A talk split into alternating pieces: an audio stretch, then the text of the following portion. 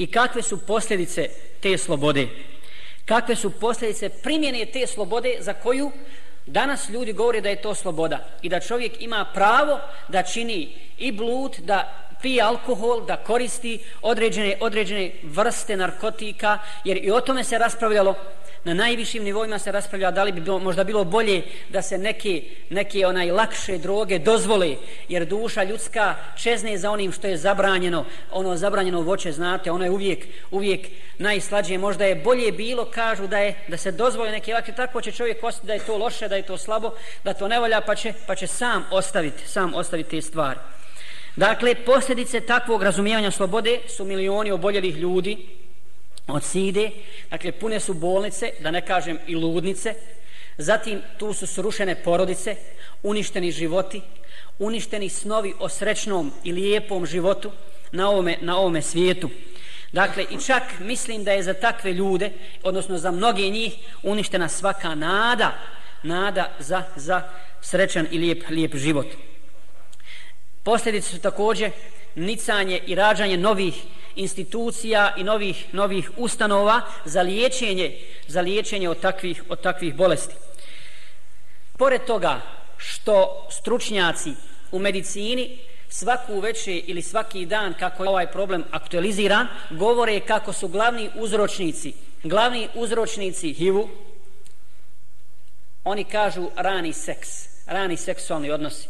I pogledajte koji je to cinizam, to ne objašnjava i šta to znači. Dakle, ne radi se tu o ranom braku, legalnom braku, nego jednostavno normalno je postalo da sad djeca, da sad djeca u osnovnoj školi imaju, imaju odnose. I ja sam neki dan udržao hutbu, nakon hutbe razgovaram sa nekim ljudima i kaže jedan čovjek, danas je došlo moje dijete iz škole, muško dijete, šesti razred, i kaže, smije se, Pitan ga što se smiješ kad ne smijem ti babu kazat. Pa de reci šta, je, šta se desilo? Kada došli su nam neki ljudi da nas educiraju i poučavaju kako uzimati kondom. Dakle, to je ispred države, odnosno ispred opštine, ispred kantona. Došla je neka ekipa, vjerovatno medicinara ili ne znamo o kome se radi, ali uglavnom to je zabilježeno, to je javno, to je zvanično, u šestom razredu osnovne škole. Ta djeca dakle imaju koliko? 12 ili 13, 13 godina. Da i uče kako će uzimati kondom da se ne bi zarazili i da ne bi, da ne bi zaradili, zaradili ovaj virus, da ne bi fasovali sidu. Dakle, to je, to je svan, van, van svake pameti. Zatim, droga i homoseksualizam. Ali je žalosno što se, što se protiv tih stvari ništa ili skoro ništa ne poduzima da se takvim porocima stane, stane u kraj i takvim devijacijama naprotiv, sve nabrojane poroke društvo smatra normalnim. Ja ovdje kažem društvo, međutim, e, dakle, bolje je možda reći vodeće strukture u društvu, to, to smatraju normalno i to dozvoljavaju. I pogledajte, braćo i sestre, ajmo malo da razmišljamo, vjerovatno ćete vi ovome e, polemisati ili razgovarati o ovome ili razmišljati samostalno nakon ovog našeg druženja. Šta se na kraju dešava? Zaista, tako mi Allaha, jedan cinizam kojim nema kraja kad čovjek oboli, kad čovjek oboli, onda na kraju, kad zaradi tu bolest, onda nekakvo sažalijevanje. Znate, hajmo naći za takve institucije odgovarajuće, hajmo se lijepo s njima ponašati, hajmo educirat javnost našu kako će se ponašati i obhoditi prema tim ljudima, da i niko ne vrijeđa, da i niko ne ponižava, da i ne odbacuje i tako dalje.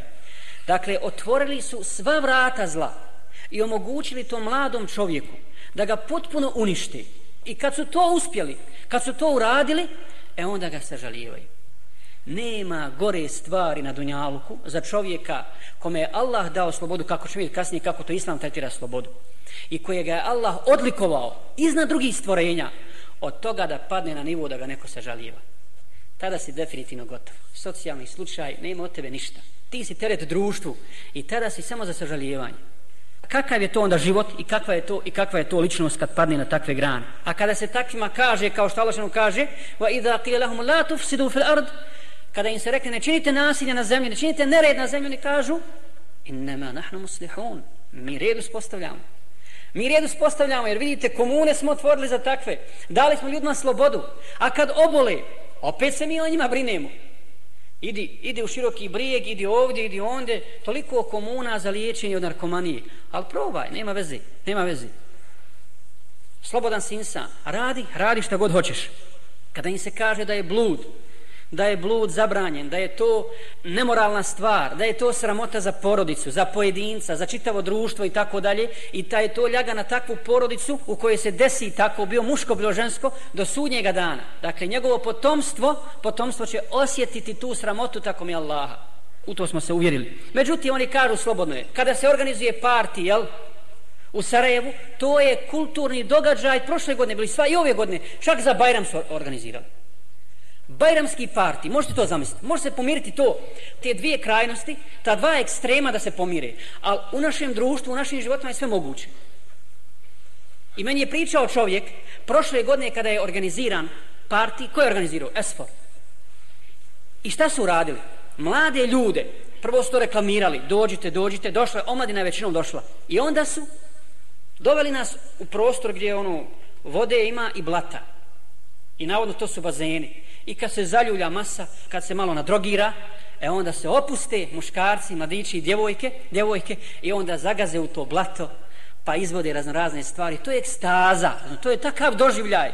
A kad je Esforovi vojnici okolo stražare s puškama, nakon što se vratio taj čovjek istini koji je bio totalni drogeraš, kad ni što mi drugo nije posjetilo to nego na Auschwitz. Znate, Esforovci se tu puške Neće on u blato, nego ti si u blato.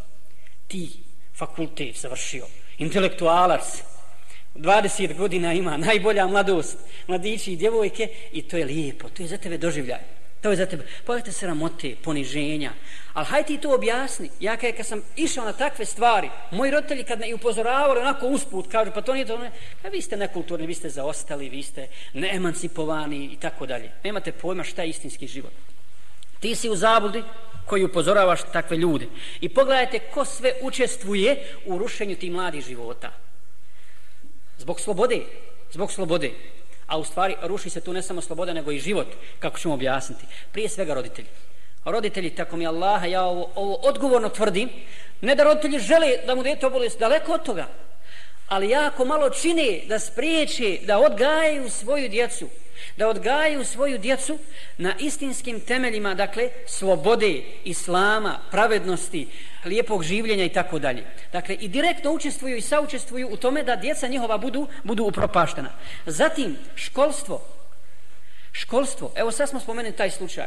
Slučaj gdje, gdje se u šestom razlogu educiraju djeca šta će i kako će raditi. Kad su u pitanju roditelji, ja sam, Allah je tako dao, pa sam moje dijete udaralo na neko veći auto, I onaj, bio sam u bolnici gore i žena, doktorica, neurohirurg, kaže, neku veće su doveli djevojčicu.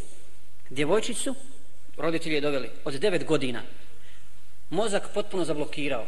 Ništa, ne znam kako se to zove u medicini, stručno. Uglavnom, ona je nama to objasnila i kaže, kasnije analize su pokazale da je ona bila, u stvari, puna, puna droge, dakle, mozak 9 godina.